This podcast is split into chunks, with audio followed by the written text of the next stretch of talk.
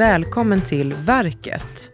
Jag heter Anna Jansson och idag ska det handla om Hanna Paulis målning Frukostdags. Målad 1887 visar den en frukostscen i det gröna med ett lockande uppdukat bord som solen och grönskan speglas i. När målningen visades tyckte en svensk kritiker att hennes teknik var alltför modern och antog att ljusfläckarna på bordsduken berodde på att konstnären hade torkat sina penslar på den. Idag är målningen erkänd som ett av tidens viktigaste svenska bildkonstverk. Med mig för att tala om det här verket är Karina Rech, nyligen disputerad i konstvetenskap på en avhandling om kvinnliga konstnärer från 1800-talets slut och Per Hedström, konsthistoriker och utställningschef på Nationalmuseum. Välkomna! Tack, jätteroligt Tack. att vara här. Karina, vem var Hanna Pauli? Ja, Hanna Pauli hon föddes som Hanna Hirsch i Stockholm 1864 och hennes pappa var musikförläggaren Abraham Hirsch och hennes mamma Pauline Meyerson. Den här familjen den hörde till ja, den, det högre bögarskapet. Um, de umgicks i de judiska eh, intellektuella Stockholmskretsar. Och Hanna Hirsch hade redan som barn förmånen att få uh, privatlektioner um, av Ellen Key var i slutet på 1870-talet. Och i den här kretsen av uh, unga flickor som undervisades av Kay så ingick också Lisen Bonja till exempel, eller Emma Lam, Emma Lam som sen kom och gifte sig med konstnären Anders Zorn. Ja, Hanna Paulis konstnärliga talang den uppmärksammades ganska tidigt och redan vid 12 års åldern så började hon studera vid uh, August Malmströms skola. Malmström var vid denna tid uh, professor vid Konstakademin i Stockholm och på den här Målarskolan så undervisades också Karin Bergö som sen kom att gifta sig med Carl Larsson och Eva Bonja. Hon fortsatte sen på Tekniska skolan och kom så småningom in på Konstakademin i Stockholm 1881 var det och då påbörjade hon sina studier den så kallade fruntimmarsavdelningen. Vad var det för någonting? Ja, det var den kvinnliga avdelningen på eh, Konstakademin i Stockholm som hade öppnats 1864. Eh, och från och med 1864 fick då kvinnliga konstnärer i Sverige en utbildning på jämförbara villkor med männen. Men på den tiden så var helt enkelt den här utbildningen eh, indelad så att männen hade sin egen undervisning och kvinnorna sin. Och, och, så, så utbildades de alltså på, ehm, på Konstakademin. Men för Hanna Hirsch var det alltså en möjlighet att få en akademisk, en grundlig konstnärlig utbildning. Och den avslutade hon då 1885, eh, där hon fick um, ett pris för ett verk som hon ställde ut uh, som heter Vid lampan, en, en genrebild. Uh, och samma år så reste hon sen till Paris för att vidareutbilda sig. och hon studerade där på Akademi Colarossi i en privat målarskola. Till skillnad från Stockholm så kunde kvinnorna ännu inte studera i Paris på École de Beaux-Arts. Den öppnade först mot slutet av 1800-talet, 1897. Så i Paris eh, fick de då istället studera på privata damakademier och Cola Rossi var en av dem och en som var särskilt populära bland nordiska konstnärer. Um, och, och sen så um, ställer hon ut sitt första verk i salongen 1886. Ett porträtt av sin finländska vän och konstnärskollega Venni Soldan. Och samma år så målar hon ju också Frukostdags, det verk som vi ska tala lite mer om idag. Um, på hösten 1887 så gifter hon sig med sin kollega Georg Pauli. De reser på en längre ja, för, mm, bröllopsresa till Italien och sen bosatte de sig så småningom i Stockholm. Eh, på 1890-talet så undervisade båda på, på Valand i Göteborg och sen vid sekelskiftet så kom hon tillbaka till, till Stockholm med familjen. Hanna och Georg Pauli de fick tre barn, men till skillnad från många kvinnliga konstnärer som gifte sig så fortsatte Hanna Pauli att vara verksam livet ut. Och några av dem, eller ett av de viktiga verken som hon gör då efter segerskiftet, det är ju det stora porträttet Vännerna som också ingår i Nationalmuseets samlingar. Um, ehm, hon dör så småningom 1940. Um, ehm, och när hon dör så var hon faktiskt verksam som konstnär under ja, sex decennier, alltså en otroligt lång tid som uh, yrkesverksam konstnär. Verkligen. För dig som vill se målningen som vi talar om idag så går den att hitta på anekdot.se. Men Per, kan inte du beskriva målningen också för oss som lyssnar? Vad är det vi ser? Vi ser en scen från en trädgård skulle jag väl tro att det är, eller kanske möjligen en park.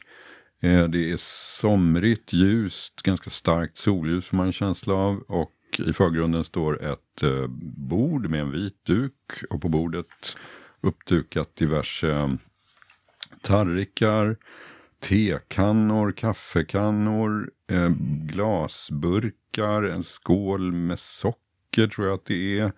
En ostkupa glas tror jag att det är också, kanske att det finns smör där i också. Och så är det uppdukat som för man ska väl uppfatta det som att det är tre personer som kommer att sitta vid bordet då. Det finns eh, liksom tre kuvert med hoprullade eh, linneservetter och eh, trädgårdsmöbler eller stolar uppställda. Så att det ska bli bra liksom för tre personer.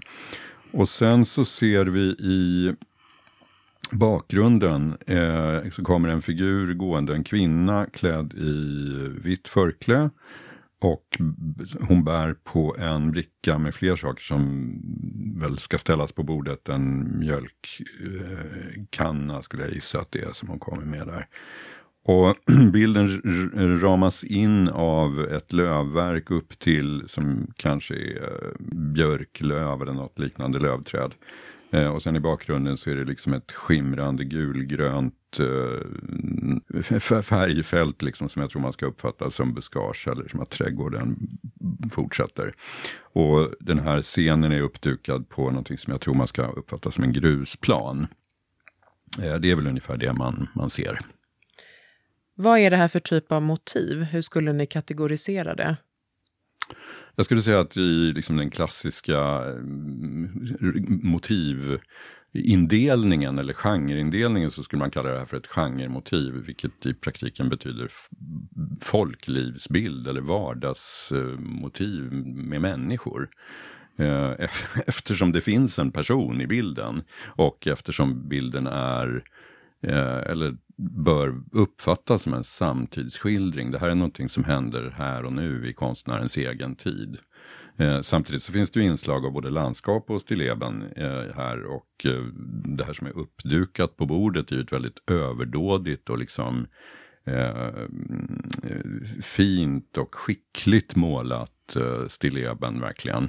Och jag tror en del av bildens kvalitet, liksom att, att man, man blir fascinerad av hur de här föremålen, glasskålarna och de här metall, silverkannorna eller vad det är för någonting är, är målade.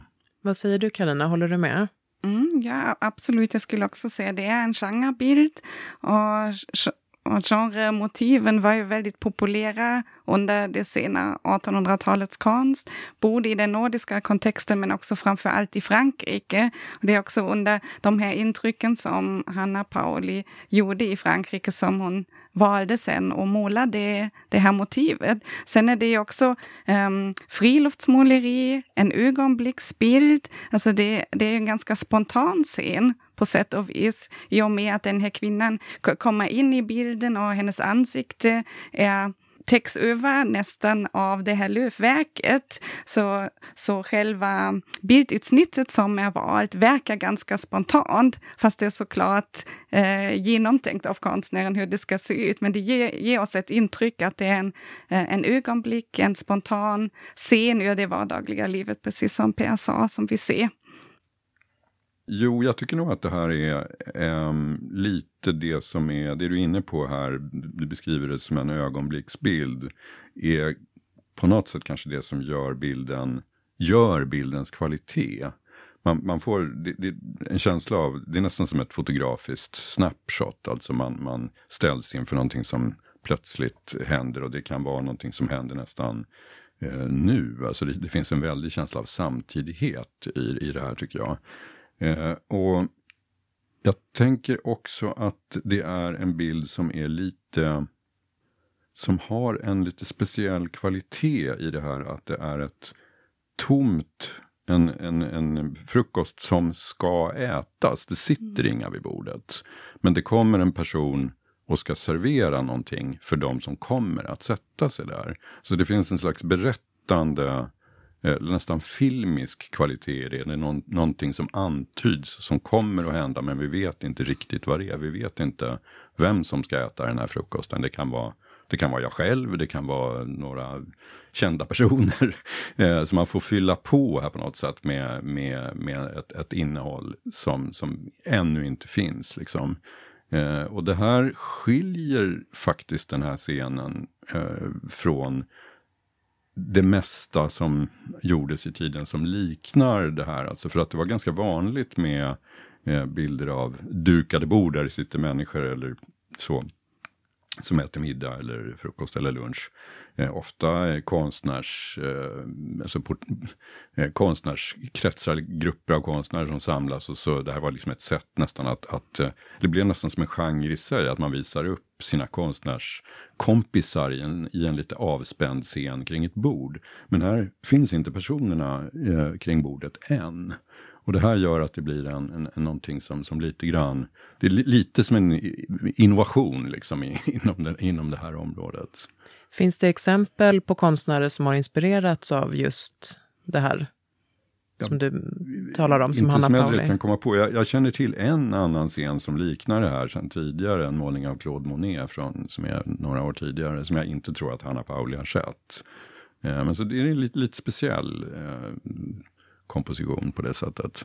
Mm, precis, och genom att vi har bara den här kvinnan i bakgrunden som kommer in i bilden så läggs ju också fokus i målningen just på det här dykade bordet. Precis som Per redan har sagt, alltså det här fantastiska sättet med vilket Hanna Pauli har, har skildrat eh, de olika materialiteterna, eh, glaset eller den här silverkannan i bakgrunden, i vilket ljuset speglas. Om man går till museet och står framför originalet så ser man att det är liksom en um, gul färgfläck som hon sätter på den här silverkannan som gör att man som betraktare får en känslan att det är en sommardag, det är liksom ljuset som faller in här och riktas mot den här kannan och det ger det här som ju är ett stilleben, alltså en naturmått som man sa på, eller som man säger på franska, eh, liv. Alltså det känns som om det är liv i de här föremålen. Um, och, och sen den här dyken som ju är så otroligt fint att se bara som, som måleri. Där ljuset speglas och där vi ser eh, blåa och röda färgfläckar. Hade det suttit en massa personer runt omkring bordet så hade de ju tagit uppmärksamheten. Så det är egentligen de här, de här föremålen som får, får träda fram här.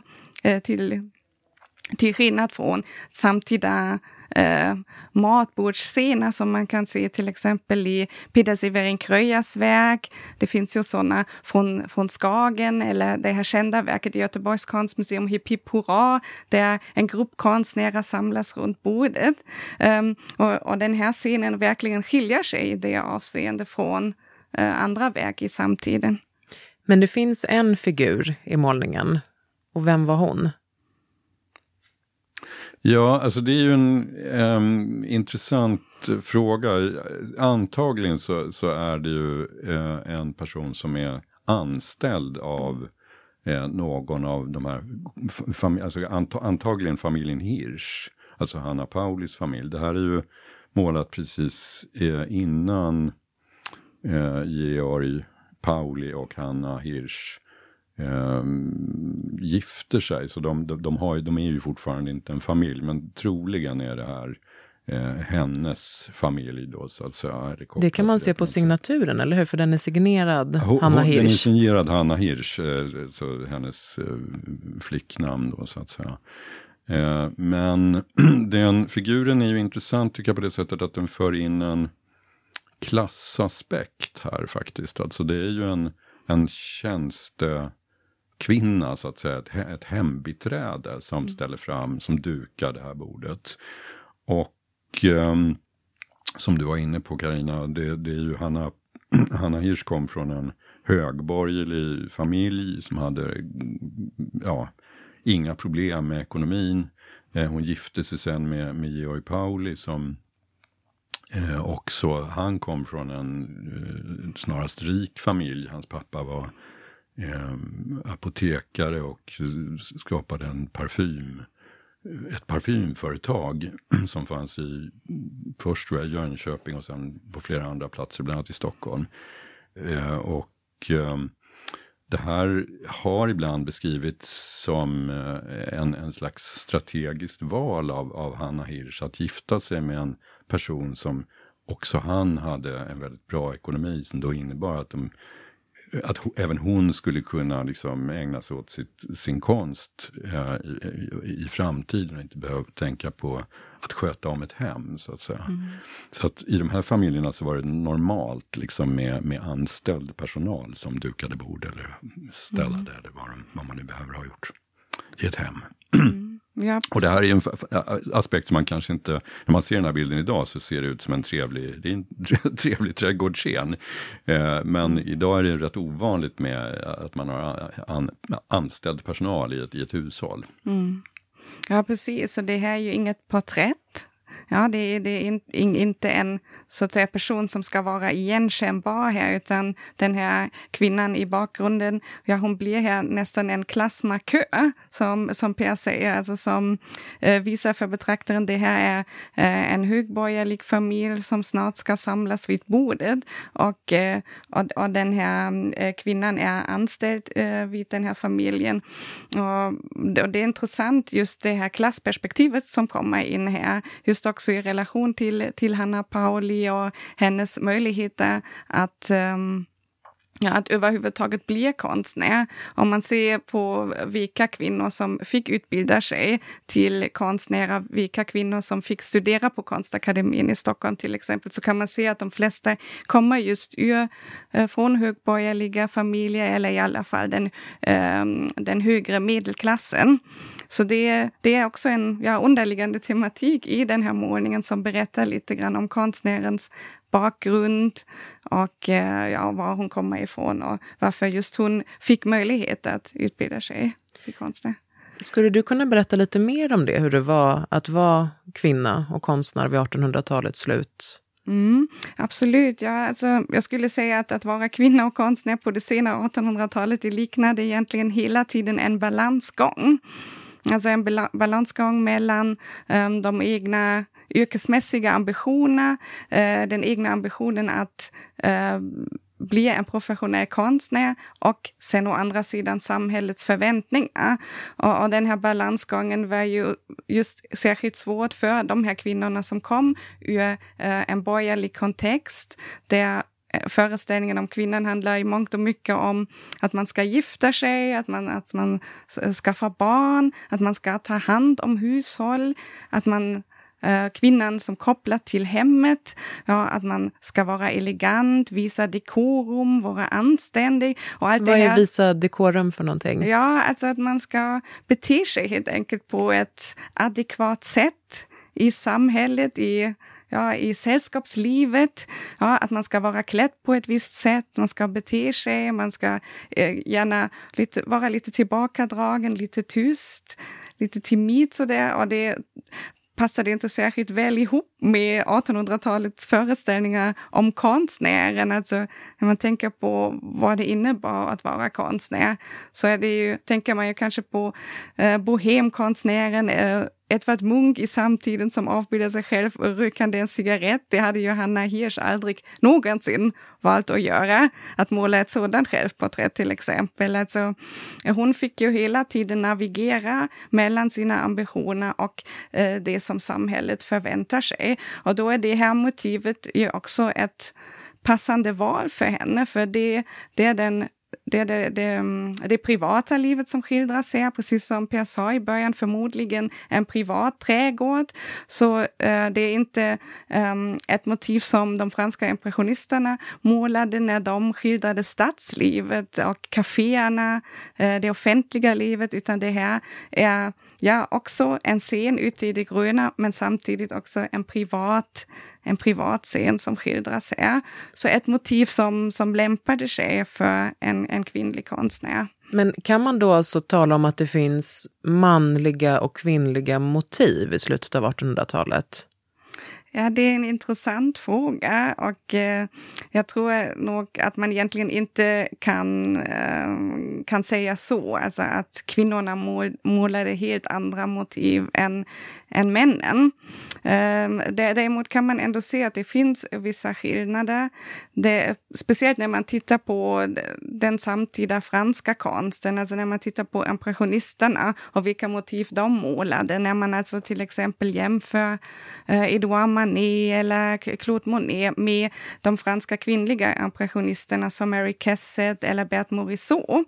Så där, där kan man se att männen i högre grad målar ja, det, så kallade offentliga livet, stadslivet, eh, de eh, ja, parkerna, kaféerna, varietéerna, sådana eh, ämnen, medan kvinnorna eh, i högre utsträckning ja, målar hemmet måla kanske sina, sina syskon, sina barn, måla privata trädgårdar eller kvinnan på balkongen. Det är ett motiv som är vanligt förekommande bland de kvinnliga konstnärerna.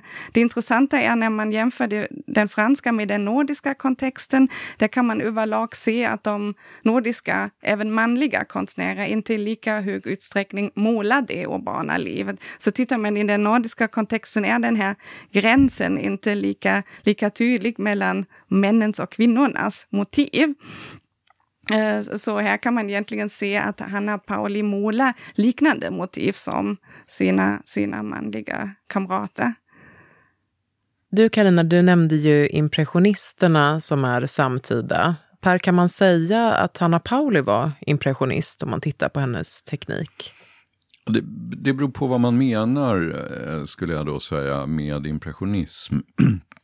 Alltså det är en impressionism var en riktning som uppstod kring 1870 i Frankrike. Det är då en, vad blir det, knappt 20 år innan den här målningen av Hanna Pauli tillkommer. Och eh, en sak som utmärker det här, alltså den franska impressionismen, är att man målar med relativt oblandade färger.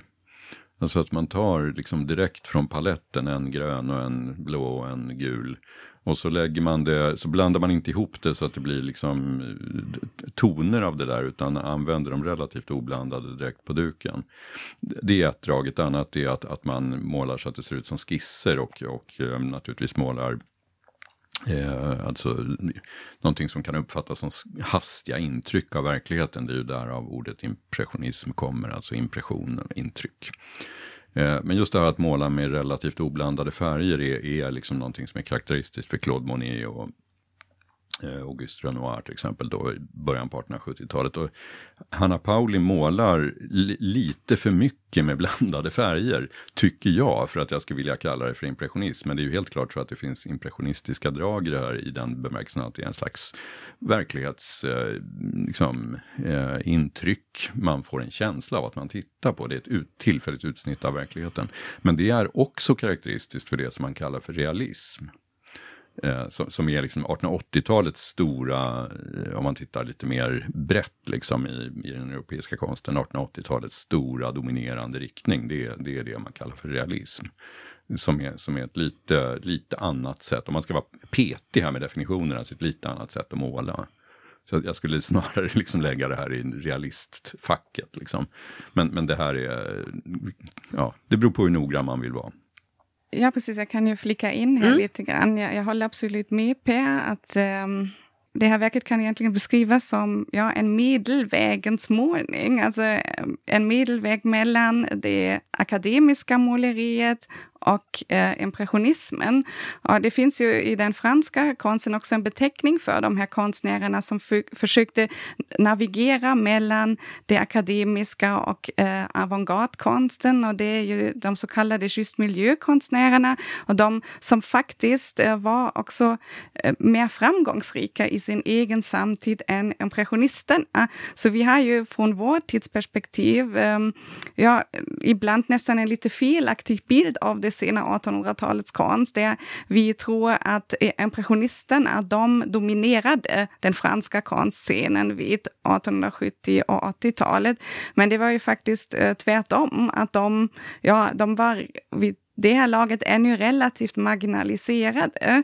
Och de här medelvägens målarna som ställde ut på salongen, det var de som recenserades positivt i tidningarna. Det var de som också publiken mest intresserade sig för. Och det var den populära konsten. Um, och till de här konstnärerna kan man uh, till exempel räkna Jules Bastien Lepage, en fransk konstnär som också um, beundrades särskilt av de nordiska konstnärer som kom till Paris, inte minst Hanna Pauli. Och det är intressant att se att hennes verk i den eh, samtida kritiken i Sverige också jämförs med Jules Bastien Lepage. Så även i hennes samtid så jämfördes Hanna Pauli med Jules Bastien Lepage. Och, um, kan du berätta lite mer om hur, hon, hur det här verket mottogs i sin samtid? Ja, alltså verket togs ju relativt negativt emot skulle jag säga när det ställdes ut i Sverige. Det var ju framförallt i Konstnärsförbundet utställningar som verket visades och vad Konstnärsförbundet var kan vi kanske också prata senare om. Men, ehm, men där så skrev några kritiker då om det här verket, bland annat ehm, att eh, ljusfläckarna på bordsduken måste väl bero på att konstnären själv torkat sina penslar på den och en annan annan kritiker, han misstänkte då att några unga kanske hade ätit lingonsylt och grädde med händerna och istället för sked och sen torkat av händerna på bordduken samt till sist bombarderat den med löskokta ägg. Alltså jag tycker det är lite roligt att läsa samtida konstkritik från den tiden. Den är ganska mol målerisk i det sättet hur man, hur man beskriver hur verken ja, verkade på betraktaren. Men den här kritiken är inte särskilt ovanlig. Man kan se exakt liknande kommentarer om impressionisternas verk faktiskt i Frankrike. Sen Georg Nordensvan, han gick faktiskt till Hanna Paulis försvar och han var en kritiker som också sympatiserade med det moderna, med det franska måleriet. Och, och han säger då Mm, att um, ja, han, han undrar liksom hur, om de som kritiserar det den här målningen har någonsin varit ute eh, i naturen och verkligen sett hur ljuset förändrar hur föremålen ter sig framför ögat. Och han säger då att um, Mm, ja, att det eventuellt kan uh, förefalla lite överdrivet hur Hanna Pauli har, har målat den här scenen. Men i alla händelser är det alldeles säkert att den som målat det är ute efter naturen sett nogare på färgeffekterna än de som i utställningssalen ser en minut på tavlan och tvärsäkert förklarar att en vit båtduk är vit och är ett misstag att måla den blå och fläckig. Ja, här ifrågasätter han alltså om de här betraktarna som kritiserar målningen överhuvudtaget har någonsin verkligen tittat på ljusintrycken i naturen, alltså det här, den direkta observationen av naturen, den tar han ju upp här. Och, och, det är en förmån i hans ögon i det här verket. Från ett akademiskt och lite konservativt kritikerhåll är ju just det det negativa med målningen, alltså att det inte, naturen förhöjs här inte och inte idealiseras inte, utan hon försöker ju i den här målningen avbilda naturen precis som den ter sig framför hennes öga. Och hon försöker inte idealisera det hon ser och istället avbilda det, det, det som hon som som hon ser direkt när hon är ute i naturen inför motivet. Alltså det här med omedelbara sättet att avbilda naturen, den, ja, det var ganska kontroversiellt i samtiden. Det, det här är ju så här, i efterhand, 100, vad är det nu, 140 år eller någonting senare, så tycker jag det är intressant att tänka på vad det här det, det, det, är idag lite svårt att förstå liksom, att man tyckte att det var så slarvigt målat och så liksom att hon har, att det ser ut som att, bord, att duken är, är kladdig med lingonsylt sådär. Eh, jag tror att det är väldigt få idag som uppfattar det här som ett som liksom, slarvigt eller konstigt måleri. Eftersom man är så van att se eh, så mycket annan konst som är liksom mycket, mycket slarvigare gjord. Så uppfattar man det här som en väldigt realistisk bild och som någonting som, som är, det är inget konstigt överhuvudtaget med det, det är snarare välgjort. Liksom. Eh, men, det, men det säger också någonting om den tidens konsts, eller konstnärers intresse för att pröva eh, att skildra verkligheten, att titta noga efter, precis som Georg Nordensvan skriver här, mm. eh, och se hur, det, hur, hur man faktiskt upplever det. det. Det är någonting som kommer in i konsten här som har med både realismen och impressionismen att göra. Att, att det blir liksom en helt central fråga för konstnären, att, att synintrycken, och i synnerhet synintrycken utomhus, är liksom helt centralt för att kunna göra riktigt bra konst så att säga. Så det här är ett, ett, ett, den här målningen är ett exempel på en konstnär som verkligen har tagit den här frågan på allvar. Eh, och det blir intressant då att det blir liksom en, en sån alltså polarisering i den svenska kritiken kring, kring ett, ett verk som liksom verkligen prövar det här. Men var det polariserat kring henne som konstnär vad gäller andra verk, eller var det just det här? Hur ser man liksom bredare på hennes konstnärskap i tiden? Är hon uppskattad? Mm, alltså i, I samtiden så kritiserades inte bara Frukostdags utan även ett annat verk som hon målade vid ungefär samma tid och som hon faktiskt ofta också ställde ut tillsammans med Frukostdags. Så det är porträttet av Vennisoldan Brofeld, den finska kollegan som hon avbildar ja, på ett ganska realistiskt sätt i ateljén i Paris. I den här målningen så sitter Vennisoldan på golvet i en ganska avskalad ateljéinteriör och hon håller en bit lera i handen. Och man ser att hon sitter där till och med klätt i ganska enkla tofflor. Och här kommer ju den här klassaspekten in åter en gång. Alltså en kvinnlig konstnär som, avbi som avbildar sin kollega i en enkel bohemateljé, ja klätt eh, i, i, ganska enkla tofflor, i en enkel svart klänning. Håret är uppsatt i en enkel knut och, um, och hennes mun är öppen och det känns som om hon har avbildat sin kollega mitt i ett pågående samtal. Och det är en ganska realistisk skildring av en kvinna i konstnärssalen med leriga händer. Och, och många eh, kritiker stödde sig vid den här målningen och kritiserade att eh, um, Vennisoldan hade avbildats här på ett så realistiskt sätt. Uh, och det verket ställdes ut sen också i Helsingfors i december 1887 och då skriver Vennisoldan ett ganska arg brev till sin kollega Hanna Pauli um, och säger till henne, ja varför har du målat en så svinaktig historia? Och Vennisoldan säger, ja varför är det egentligen jag som måste uppbära det alltsammans då det väl är du som målat det här porträttet? Alltså här ser man också en konflikt mellan två kvinnliga konstnärer som uppstår i en tid där de, där de försöker erövra en konstnärsroll som var manligt präglad. Och det intressanta är att Eh, Eh, det här porträttet av Venisoldan eh, ställde Hanna Pauli ofta ut tillsammans med Frukostdags, till exempel också på världsutställningen 1889 i Paris. Så man ser att just de här två verken som faktiskt var de som blev mest kritiserade, det var de som hon valde att ställa ut. Alltså hon höll också mot den här kritiken på, eh, på sätt och vis. Så hon, hon, eh, hon ställde ut dem här fortsatt, även efter dem hade ganska hårt kritiserats av, av den mer konservativa kritiken i Sverige. Men den här kritiken kring de här målningarna, beror det på att hon, är, att hon experimenterar mellan realism och impressionism eller beror det på hennes roll som, som kvinnlig konstnär eller finns det fler aspekter? Mm. Alltså när det gäller Venisoldan-porträttet så tror jag kritiken berörde väldigt mycket eh, den kvinnliga identiteten av den avbildade konstnären. När det gäller Frukostdags så har jag också länge tänkt att ja, den här kritiken, det är ganska vanligt i tiden. Det är helt enkelt en stilkritik från konservativt håll.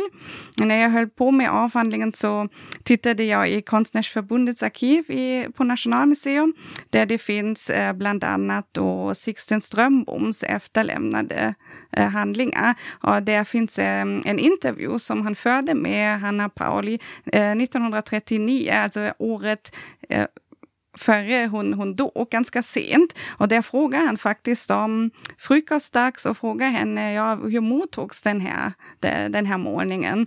Och då säger Hanna eh, Pauli, ja, våra kritiker gillade den inte. En skrev så smutsiga dukar har man bara i en del familjer. Um, och det här är alltså skriven med um, alltså maskinskriven. Och sen la uppenbarligen um, Strömbom till. Uh, alltså, han, hon, han menade judiska, lägger han till. Alltså, jag vet inte om det är Hanna Pauli själv som har sagt det här i intervjun eller om det är Strömbom.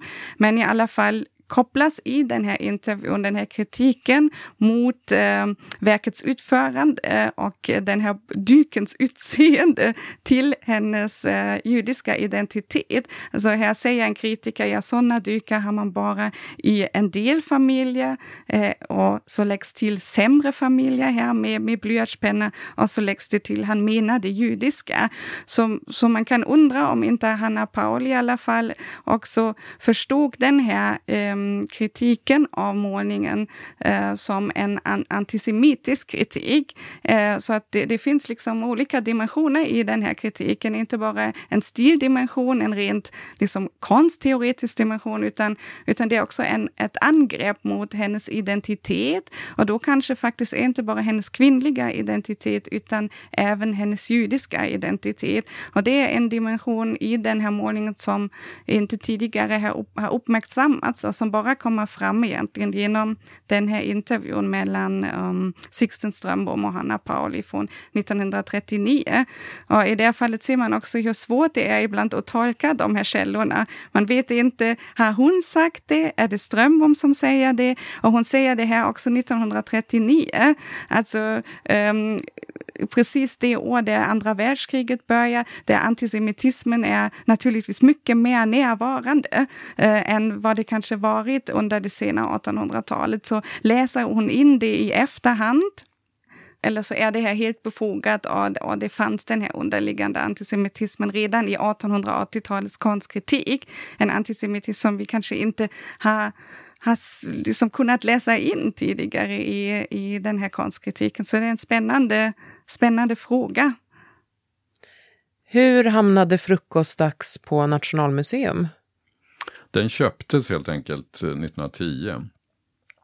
Eh, eh, och i samband med det så skrev, när man skrev eh, årsberättelsen så att säga det året så markerade man att det här var tillsammans med en, en målning av Eva Bonnier eh, och ytterligare någon konstnär i den här generationen som slog igenom på 1880-talet så markerade man att det här var verk som liksom representerade 80-talsrealismen och friluftsmåleriet och att det här var en typ av konst som man vid den tiden då hade fortfarande för lite av i samlingarna så att man liksom lyfte fram det här som som eh, fräscha exempel liksom på någonting som man börjar bygga på liksom i samlingarna. Och det var, blev verkligen så också att under 1910-talet så kom det allt fler förvärv av den här typen av, av konst.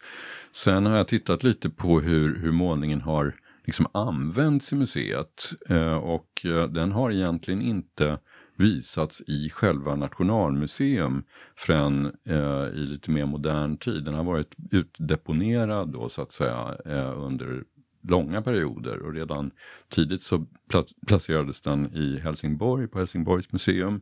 Men togs tillbaks eller flyttades därifrån 1939 eh, med stor sannolikhet på grund av krigsutbrottet, om man helt enkelt liksom tömde eh, flera, eller många av de större svenska museerna och placerade konsten på liksom skyddade hemliga platser eh, för att försäkra sig om att, att det inte skulle komma till skada om kriget kom till Sverige så att säga. Eh, sen fortsatte den här depositionshistorien egentligen fram till 80-talet, så den har funnits bland annat eh, på svenska generalkonsulatet i Leningrad under en period. Eh, togs till, till Stockholm till Nationalmuseum igen på 80-talet och det är egentligen sedan dess som den har sin så att säga moderna historia som ett populärt konstverk i Nationalmuseums samlingar. Idag får man väl säga att det är en av de mest liksom, efterfrågade och omtyckta målningarna. Men det är egentligen då en ganska ny eller modern företeelse. Just nu kan man se den i eh, samlingarna, den del av samlingarna som visar sena 1800-talets måleri. Tack eh, Karina Rech och Per Hedström för att ni kom hit. Tack själv. Tack. Och tack till alla er som har lyssnat på verket. Vi är snart tillbaka.